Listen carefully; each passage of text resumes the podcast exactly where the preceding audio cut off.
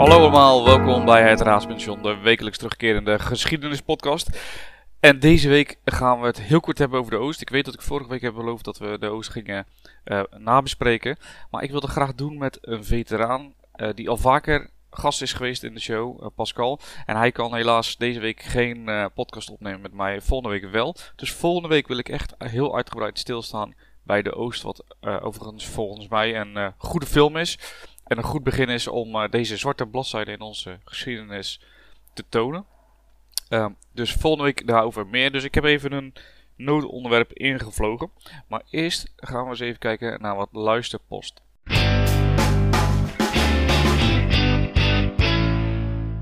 Uiteraard werd ik erop gewezen dat de oudste drager van de militaire Willemsorde uh, overleden is. En het gaat om Kenneth George Mayhew. Hij werd 104 jaar oud. Hij overleed op 14 mei uh, dit jaar, dus dat was afgelopen vrijdag. En hij kreeg zijn uh, medaille, zijn onderscheiding kreeg hij vanwege het heldhaftige optreden tijdens het bevrijden van Zuid-Nederland. Hij was betrokken bij onder meer de bevrijding van Weert, Venray en het Brabantse Overloon. En uh, bij de uh, het begint natuurlijk allemaal bij D-Day. Bij de invasie op de Franse kust op 6 juni 1944 uh, gaat hij als commandant van een compagnie van 13 panzervoertuigen aan land. En zijn eenheid landde op Sword Uh, 12 bunkers nam hij in op die dag en bevrijdde uh, Colville-sur-Orne. Vervolgens uh, ging hij natuurlijk via België kwam hij in Nederland aan. Nou ja, hij moest natuurlijk aansluiting zien te vinden met Operation Market Garden. Moest hij aansluiting zien te vinden met zijn, zijn compagnie van panzervoertuigen bij Arnhem. Nou, dat, dat lukte uiteraard niet. maar hij had wel een aantal successen uh, rond de grens van Limburg en Gelderland. Uh, zoals we net zei, al Weert, Venray en Overloon werden bevrijd, ook onder andere door, door hem. En hij verdiende ja, die medaille dus voor, omdat hij heel heldhaftig optrad bij, bij die bevrijding. En vooral bij het slaan van een brughoofd over de Lobeek in uh, Limburg. Hij raakte daarbij ook gewond. En de term brughoofd betekent eigenlijk dat je bij een brug bijvoorbeeld dat je daar overheen steekt en dat je aan het, uiteinde van die brug dat je die verdedigt, zeg maar. En dan kan het zo zijn dat je of hè, je breidt het gebied uit, want de verdediging is su succesvol, of je wordt als aanvaller weer teruggedreven terug over die brug. En hij heeft zich daarbij dus zo kranig geweerd dat hij daar een uh, ja, een oorkonde voor verdienen. Die hij overigens per post kreeg. Want toen uh, de bevrijding van Europa kla klaar was, hè, toen dat uh, afgelopen was de oorlog, keerde hij terug naar Engeland. en hij was eigenlijk een, net zoals heel veel veteranen natuurlijk uit de Tweede Wereldoorlog, je komt terug als held. Maar wat moet je dan met je leven? Nou, hij werd weer een gewone man. hij zegt ook, er, moet, er moest gewerkt worden. Ik had een jong gezin. Net als veel veteranen, ik weet niet of dat een veteranending is, maar hij begon in 1953 zijn eigen bedrijf als handelaar in de kunstmestproductie. In 1964 richtte hij een transportbedrijf op en hij ging pas in 1990 met pensioen. Hoe hij zijn oorkonde heeft gekregen is ook wel een dingetje, want hij werd in 1946 werd hij opgeroepen om naar de ambassade in Londen te komen, maar hij was nog herstellende van zijn verwondingen. En hij kreeg daarom de militaire Willemsorde en de bijbehorende oorkonde in het ziekenhuis per post opgestuurd. Hij stond er zelf niet echt bij stil wat het betekende, maar hij vond het wel een, een eer. Um, in 2019 was hij nog in Venray bij de 75-jarige jubileumherdenking van de, van de bevrijding van Venray en Overloon. Ja, en nu is hij dus overleden. Dat betekent dat er nog maar drie dragers zijn van de militaire Willemsorde. Luitenant-kolonel Gijs Tuinman, major Ma Marco Kroon, die kennen we allemaal natuurlijk, en reserve-major Roy de Ruiter. Zij kregen de onderscheiding voor hun moedige optreden in, uh, in Afghanistan. Nou, de Ruiter als Apache-vlieger en Kroon en Tuinman uh, voor hun inzet op de grond. Dus bij deze rustzacht en bedankt voor je inzet uiteraard. en dat klinkt als ik het zo zeg eigenlijk best wel, dat dekt de lading niet zeg maar. Ik kreeg nog iets toegestuurd en dat is wel interessant in de discussie met Black Lives Matter en racisme en dat soort dingen. Het gaat over Bessie Coleman, geboren in 1892. Ze was Afro-Amerikaanse vrouw en zij wilde piloot worden. Maar ze werd niet aangenomen op de vliegschool uh, vanwege haar afkomst. dus wat deed zij? Zij leerde Frans, ging naar Frankrijk verhuizen. Binnen zeven maanden haalde zij haar licentie, pilotenlicentie. Ze was eigenlijk de eerste African American woman die dat voor elkaar kreeg. Toen ze terugkwam werd ze op slag beroemd en werd ze ook Queen Bess genoemd. En ondanks dat ze haar been en drie ribben brak, bleef ze vliegen promoten en bleef zich inzetten tegen racisme. Petje af voor deze Bessie Coleman. als laatste kreeg ik de vraag hoe ik de Oost vond eh, en of ik daar wat over wilde vertellen. Daar heb ik natuurlijk vorige week gezegd, hè, ik ga dat volgende week uh, bespreken. En eigenlijk wilde ik dat ook doen, samen met Pascal, uh, de veteraan waar ik het eerder over had. Um, even heel kort over de Oost. En gelijk maar even een spoilerwaarschuwing. Het gaat om Johan de Vries, die eigenlijk na de oorlog iets wil doen voor Nederland. Hij, zijn vader was NSB'er en hij voelde zich daar uiteraard niet prettig bij. En hij wilde dat min of meer goed maken, zeg maar beetje de karma schoonmaken. En um, hij wordt uitgezonden naar de Oost. En komt eraan eigenlijk als enthousiaste jongeman. En hij merkt eigenlijk dat er helemaal geen ene reet te doen is in Indonesië. Um, heel veel patrouilles, eigenlijk gebeurt er niks. Op een gegeven moment dwalen ze iets te ver in vijandelijk gebied af. Nou, zijn maat wordt doodgeschoten. En um, je ziet dan uh, dat hij met je gevoel krijgt van ik wil actie. Ik wil iets doen. En uh, een kleine, als kleine greep op wat er uh, volgende podcast gaat komen. Ik heb gesproken ook met, met Pascal en hij zegt dat herken ik wel als veteraan zijn. Dat je, je als je kapot verveelt, ga je allerlei zaken, ja, ga je eigenlijk naar actie verlangen. En op het moment dat er dan actie is, dan, ja, dan sta je op een gegeven moment voor een keuze. En dan vervagen grenzen en dat soort zaken. Nou goed, daar gaan we het volgende week allemaal over hebben. Dus hij herkende, dat wel. Ik zelf vond het uh, de overgang zeg maar, van het uh, niks doen.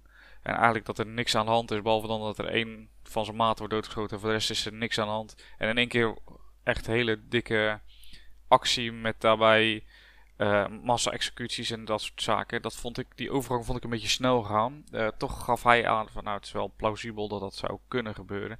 Um, dus ja, wat ik van de film vond, ik vond het een moedige poging. Uh, ik vond hem ook vermakelijk. Hè. Het is niet zo dat ik heb zitten kijken en ik echt dacht van jeetje, wat duurt het lang of zo. Nee, ik vond het een goede film.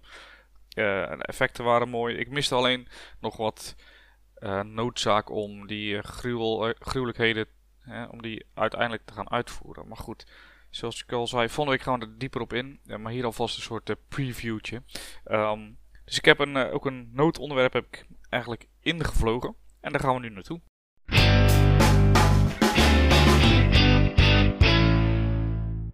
De coronacijfers dalen eigenlijk best hard. En er zullen een aantal mensen zijn die zeggen: ja, corona is maar een griepje, dus ja, op een gegeven moment is het gewoon klaar. Uh, er zullen heel veel mensen zeggen: van ja, weet je, het komt door de vaccinatie. En um, ja, om daar eens even naar terug te kijken uh, over vaccinatie. We hebben het natuurlijk al een keer gehad over het vaccineren. Uh, ging dan om het poliovaccin uh, van Dr. Salk. En dit keer gaan we het hebben over het eerste vaccin. En het grappige is dat het in Engeland ook echt heel veel woede opwekte, dat vaccin. En het ging eigenlijk om een vaccin tegen de pokken. Het was 1796 namelijk. En de pokken, ja, die zorgden voor, ja, jaarlijks zorgden die voor heel veel slachtoffers. En um, er was eigenlijk van alles geprobeerd. En niks werkte. Ze konden niks vinden ertegen. Totdat er uh, een Dr. Jenner was. En wat hij deed was, uh, hij maakte een sneetje in een, een jonge proefpersoon. Een sneetje in de arm, moet ik zeggen. En hij stelde die proefpersoon bloot aan uh, koeienpokken. En koeienpokken was echt een, een ja, hele milde variant van de gewone pokken. Vervolgens maakte hij, twee maanden later, bracht hij die jonge proefpersoon, bracht hij weer een contact, maar dan met de gewone pokken. Dus eigenlijk zou hij daar doodziek van moeten worden. Maar hij ging ervan uit dat dankzij die koeienpokken, die milde variant van de pokken, dat die jongen immuun zou worden. Dat zijn immuunsysteem uh, daarvan geleerd had. En hij bleek gelijk te hebben. Dat maakte het dus dat die, die koeienpokken, ja, dat was dus het soort eerste vaccin wat er was. Hè. Ze konden die koeienpokken dus inspuiten bij kinderen. En zij werden dan immuun voor de gewone voor de mensenpokken, om het zo maar even te zeggen. Om het heel plastisch uh, plat te slaan. Waardoor uh, er eigenlijk een vaccin was en pokken eigenlijk te voorkomen was. Zijn artikel over die koeienpokken werden binnen mum van tijd in zes talen vertaald en overal stonden geleerden zonder te juichen. En het parlement het Britse parlement in 1853 zag ook in dat die vaccinatie tegen pokken zo belangrijk was. Want je moet je voorstellen, in de 18e eeuw maakten de pokken elk jaar ongeveer 400.000 slachtoffers. Nou ja, nu klinkt dat uh, misschien weinig, maar in die tijd woonden er natuurlijk veel minder mensen uh, in Engeland. Hè. Als we kijken naar het jaar 1700, kent, uh, kent Groot-Brittannië maar 700.000 inwoners. In 1801 is dat 958.000. En in 1861 is dat rond de 2,5 miljoen. dus op die aantallen is 400.000 uiteraard heel veel. En het Britse parlement zag dan ook echt dat het noodzakelijk was dat die vaccinatie uh, gegeven werd. Hè? Dat die pokken behandeld werden. En in 1853 zien we dan ook dat zij uh, het verplicht stelden voor alle baby's onder de drie maanden om zich te laten vaccineren. Een latere wet in 1867 breidde die doelgroep uit naar alle kinderen onder de 14 jaar. Het maakte ook overigens mogelijk om ouders die weigerden hun kinderen te laten vaccineren gevangenisstraf te geven. Dus uh, ja, dat is een behoorlijk uh, ingrijpende ontwikkeling natuurlijk voor, uh, voor een overheid in die tijd. Uh, en ook wel, ook wel waren de, de artsen echt super enthousiast over het vaccin. Het gewone volk zag het niet zitten. Nou, dat klinkt een beetje als een herhaling van zetten natuurlijk, als je dat zo, zo hoort. En je ziet dat heel veel boze ouders de straat op gingen om tegen de wet te protesteren. Die weerstand tegen vaccins was niet nieuw in die tijd al. Er waren ook experimentele vaccins. En je ziet dat in uh, 1772 Edward Macy, uh, was een Britse predikant, die uh, verkondigde eigenlijk dat het een zondige en gevaarlijke praktijk was om die uh, vaccins te maken. Hij verkondigde dan ook dat ziektes, zoals ze toen dachten, en soms, uh, volgens mij heb ik het idee nu ook nog wel eens dat, uh, dat sommige kerken dat zeggen, hè, dat ziekte door de voorzienigheid wordt veroorzaakt als straf voor de zonde van de mens. En dat alle pogingen hier iets aan te doen, dat dat des duivels is. Nou ja, de 19e eeuwse antivaxers hadden ook andere redenen om te protesteren. Uh, ze vertrouwden de nieuwe behandelmethode vertrouwden zij gewoon niet. Eigenlijk hetzelfde zoals je nu ziet. En uh, ze waren helemaal fan uh, en ze geloofden alleen maar in het aderlaten, warme compressen. En dat waren natuurlijk ook methodes die al eeuwenlang gebruikt werden. Dus ja, die gebruiken krijgen er natuurlijk niet zomaar uit. En zij vertrouwden dus heel dat vaccineren niet. En het idee ook dat artsen hun kinderen met opzet zouden besmetten met een ziekte, ja, dat was helemaal not done voor die ouders. En die ouders vermoeden dan ook een groot complot van alle geneesheren en de overheid om maar zoveel mogelijk geld te verdienen. Ik weet niet of dat, dat bekend klinkt in de oren, maar je ziet dat zo'n 200 jaar geleden mensen precies met hetzelfde bezig waren.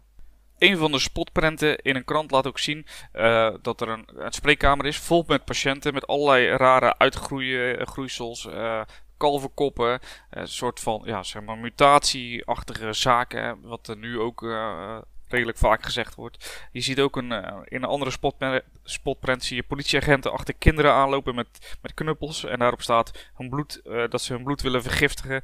En het honorarium van de artsen veilig willen stellen. En uh, um, ja, ze zeggen dan ook liever een gevangeniscel dan een vergiftigd kind. Ja, toen ik dit voor het eerst las en, en bekeek moet ik zeggen dat, dat ik een beetje schrok van de parallellen, zeg maar. Dat ik dacht van, hé, hey, uh, het liet ook weer een beetje voor mij zien het belang van geschiedenis. Uh, dat je geschiedenis kent, hè. Zoals we nu weten, ja, zijn die vaccinaties zijn oorzaak geweest voor de enorme verbetering van de gezondheid van de mens. De rechtszaken die eigenlijk volgden op het niet vaccineren van je kinderen, die trokken heel veel publiciteit. En daardoor werd het natuurlijk ook heel bekend eh, door heel het land. En je ziet dat eigenlijk uh, in 1869 maar twee mensen veroordeeld werden voor het niet laten vaccineren van hun kinderen. En dat liep op tot 1154 in 1881 en zelfs 3000 in 1884. Nou, nergens was ook de weerstand tegen het vaccineren was zo fel als in Leicester in uh, Midden-Engeland. Nou ja, op het moment dat die vonnissen werden uh, opgelegd aan die anti-vaxxers, kreeg dat weer heel veel publiciteit. Wat er weer voor zorgde dat er nog meer mensen niet gingen vaccineren. Een soort visueuze cirkel, als we het uh, zo kunnen noemen. En op een gegeven moment zien we dat er een jonge vrouw, duidelijk ontdaan, uh, maar wel resoluut, richting het politiebureau liep en zei van nou, ik laat me dan vrijwillig opsluiten. Want ik laat me nog liever opsluiten dan dat ik mijn kind ga laten vergiftigen met een vaccin iedereen die aanwezig daarbij was, ook de pers was daarbij aanwezig, overal zag je sympathie voor deze vrouw ontstaan. Nou, de weerstand tegen vaccins beleefde in die tijd ook zo'n hoogtepunt. Slechts 707 van de 2281 kinderen die werden geboren, die werden ingeënt. Het stadsbestuur moest daarom ook uh, eigenlijk ervoor kiezen om een andere strategie te kiezen. Want ze zagen dat vaccinatie niet werkte. Er waren niet genoeg mensen ingeënt voor groepsimmuniteit. Daardoor werd de stad eigenlijk in een soort lockdown gezet. Nou ja, we kennen nu allemaal het woord wat, wat we erbij moeten bedenken bij lockdown. En die lockdown maatregelen die werden dus ook ingesteld daar in dat Leicester. Dit was dan ook de enige manier hoe zij de ernstige gevolgen van het niet vaccineren konden beperken. Maar ze waren wel bang dat als ze dit, hè, die lockdown zouden opheffen, dat er dan een enorme uitbraak zou komen. Uh, ondertussen hebben ze in 1884 nog wel de autoriteiten Londen verzocht. Stop nou met dat, dat veroordelen van anti-vaxxers. Dat zorgt eigenlijk alleen maar voor meer weerstand. Maar goed, Londen ja, die legde dat verzoek naast zich neer. En dat leidde tot zulke hevige protesten dat er zelfs een pop was die leek op Edward Jenner, degene die dat vaccin had ontwikkeld. Uh, en die lieten ze onthoofden. Uiteindelijk moesten ze natuurlijk de lockdown maatregelen opheffen. En artsen maakten zich al zorgen om uh, Leicester. In 1893 gaat het dan ook mis. De ziekenhuizen stromen vol met allemaal mensen die lijden aan de pokken. Ondanks dat deze stad de hoogste percentage uh, besmetting had, hè, twee op de drie kinderen waren namelijk besmet, gaven de antivaxers zich nog niet gewonnen. Uiteindelijk hebben ze toch een soort van Pyrrhusoverwinning. Uh, want in 1898 maakte het parlement het mogelijk voor ouders om vanwege gewetensbezwaren te weigeren. In 1907 werd de verplichte vaccinatie afgeschaft. En in die tijd zien we eigenlijk dat vanwege de goede voorlichting en eigenlijk de bewezen resultaten heel veel mensen niet meer tegen het vaccineren zijn. En dan zijn we bijna 100 jaar later, hè, want in 1796 zien we al dat die Jenner min of meer het vaccin ontdekt. In 1853 wordt het verplicht om te vaccineren en pas in 1907 zien mensen daadwerkelijk het nut ervan in. En ze hebben gezien, dat, hè, het is bewezen dat er geen armen uitgroeien of extra ledematen. Uh, het virus wordt, uh, wordt min of meer verslagen, het pokkenvirus. En je ziet dan ook, hè, bijna 200 jaar later na Edward Jenner, dus in 1978, dat de WHO, hè, de World Health Organization, uh, de gevreesde ziekte eigenlijk voor uitgeroeid uh, als uitgeroeid beschouwd. En dat zie je dus dat in de 18e eeuw het nog 400.000 slachtoffers maakte per jaar. Hè, met een bevolkingsgroep van uh, ja, rond een miljoen. En in 1978 heeft eh, Engeland ongeveer 8 miljoen inwoners. En dan zie je dat het gewoon weg uitgeroeid is dankzij een vaccin. Nou, als dat niet genoeg bewijs is voor onze huidige anti-vaxxers dat vaccinatie gewoon echt heel belangrijk is om een virus uit te roeien, dan, weet ik het ook niet meer. Wat wel grappig is natuurlijk, is dat je alles wat er nu gezegd wordt eigenlijk, dat je dat herkent. Ook zien we door de geschiedenis heen dat vaccins natuurlijk steeds tegen, ja, tegen je angst en, en en sceptisch oploopt. En zo zie je dat bijvoorbeeld eh, als we het hebben over uh, eh, DTP-vaccin in 1882. Daarvan beweren, uh, beweert een Amerikaanse tv-documentaire dat DTP, dat is tegen difterie, tetanus en polio, dat dat zeer schadelijk is voor kinderen. Nou, dat is uiteindelijk nooit, kunnen, nooit bewezen. Het BMR-vaccin tegen bofmazelen en rode hond zou tot autisme leiden. Dat werd in 1998 geschreven door 12 wetenschappers. Nou ja, tien van hen kwamen later tot, uh, tot inkeer en het is denk ik nog steeds niet bewezen. Het HPV-vaccin in 2012, ook daarvan beweren antivaxers dat het vaccin tegen baarmoederhalskanker chronische pijn en vermoeidheid kan veroorzaken. Nou ja, ook weer grote onderzoeken ontkrachten dat. Als laatste het poliovaccin. In 2019 uh, eh, komen er geruchten uit Pakistan dat uh, poliovaccin kinderen ziek maakt. Nou, dus sommige ouders zien weer af van die vaccinatie. En dan zie je dat ja, er weer nieuwe gevallen komen van deze ja, eigenlijk uitgeroeide ziekte. dus je ziet dat uh, bij vaccinatie er eigenlijk altijd wel milde symptomen kunnen optreden, maar die milde symptomen leiden dan weer tot angst. En die angst die komt elke keer terug bij elk vaccin. En nu ook weer met het, uh, met het nieuwe vaccin tegen uh, corona. ja, ik denk dat we kunnen leren vanuit de geschiedenis dat vaccinatie de enige manier is waarop we een virus kunnen uitroeien. Dat is mijn, eh, wat ik geloof. En uh, ja, ik hoop dat jullie dat ook geloven. Ik hoop dat we met z'n allen gewoon uh, die prik nemen en dat we er gewoon vanaf zijn. En dat we weer open kunnen gaan. En goed, zover mijn politieke statement. Ik wil er ook niet te groot ding van maken. Trek je eigen conclusies. Hè. Ehm, heel veel mensen doen onderzoek. En dat is wel grappig. Ik heb trouwens ook de documentaire van Filemon en de complotten, uh, die ben ik aan het volgen. En ergens snap ik ook wel, zeg maar, de beweegredenen van die mensen. Als ze praten en ze, ze komen met hun argumentatie. Er zit, er zit wel redelijke logica in over het algemeen. Um, goed, sommige logica, als die gebaseerd is op de verkeerde feiten, is het misschien wel logisch, maar is het niet de juiste conclusie. Hè? Dat, dat kan natuurlijk ook. En dat is denk ik wat er vaak aan de hand is. Ook vaak zie je als de rode draad door heel die documentaire heen zie je dat mensen die uh, niet geloven hè, in de overheid, die uh, de over, overheid wantrouwen, dat er vaak mee iets is gebeurd. Hè. De laatste aflevering was weer een man, bijvoorbeeld, die had een goedlopend bedrijf, timmermansbedrijf, totdat de economische crisis kwam, kwam en toen stortte zijn wereld in elkaar. En dat zie je steeds weer gebeuren. Hè? Een andere man die uh, ja, een conflict heeft met de overheid over, ik dacht dat het ziekteuitkering was, en, en waardoor hij veel geld moest terugbetalen en uh, zijn bedrijf en whatever zijn gezin kwijtraakte. En in één keer is hij tegen de overheid en ziet hij het licht. Ja, dat, zijn wel, dat is wel een beetje de rode draad die ik gemerkt heb die daar doorheen liep. Um, en daarmee wil ik niks afdoen met hun intelligentie of zo, hè, voordat er mensen zijn die daarover beginnen. Maar je ziet dat die rode draad hè, van conflict met de overheid of het alles verliezen en dan opeens een heel ander pad kiezen, dat komt wel steeds terug. En dan is de vraag natuurlijk, is het pad wat je gekozen hebt, is dat dan de waarheid? Hè? Waarom is dat dan wel de waarheid? Alleen, je merkt dat er daar dan geen ruimte voor is voor die discussie en dat is natuurlijk jammer. Um, in ieder geval zien we dus dat dat uh, steeds terugkomt in de geschiedenis. Anti-vaxxers. Uh, dus daar moeten we ons dan ook uh, ja, we kunnen ons daar heel druk om maken, maar dat moeten we niet doen. Uiteindelijk zal blijken dat dit vaccin gewoon werkt. Dat er geen nare bijwerkingen zijn. Dat Bill Gates je niet over probeert te nemen met de computerchip. Het zal allemaal, uh, ja, over 100 jaar zal dat allemaal weer terugkomen in een soort geschiedenisblad. Dat uh, in 2020, 2021 enorme weerstand was. Maar dat er uiteindelijk corona tot een uitgeroeide, uitgeroeid virus is nu. maar voor nu moeten we het even doen met wat we hebben. Um, ik hoop dat jullie het interessant vonden. Zoals ik al zei, volgende week gaan we het hebben over de Oost. Dan ga ik het hebben met, uh, met Pascal. Heel super interessant. Ik ben echt heel erg benieuwd hoe hij verder uh, erop kijkt. Op die film. En um, ja, ik hoop dat jullie dus volgende week weer luisteren. Hebben jullie ondertussen vragen, opmerkingen? Stuur mij dan een mailtje naar geschiedenis.paulushistoricus.nl Je kan me ook vinden op YouTube. Je kan me vinden op, op Snapchat, TikTok, Instagram, Facebook. Of check mijn website paulushistoricus.nl. In ieder geval, je weet me te vinden. Heb je vragen, laat het weten. En tot volgende week.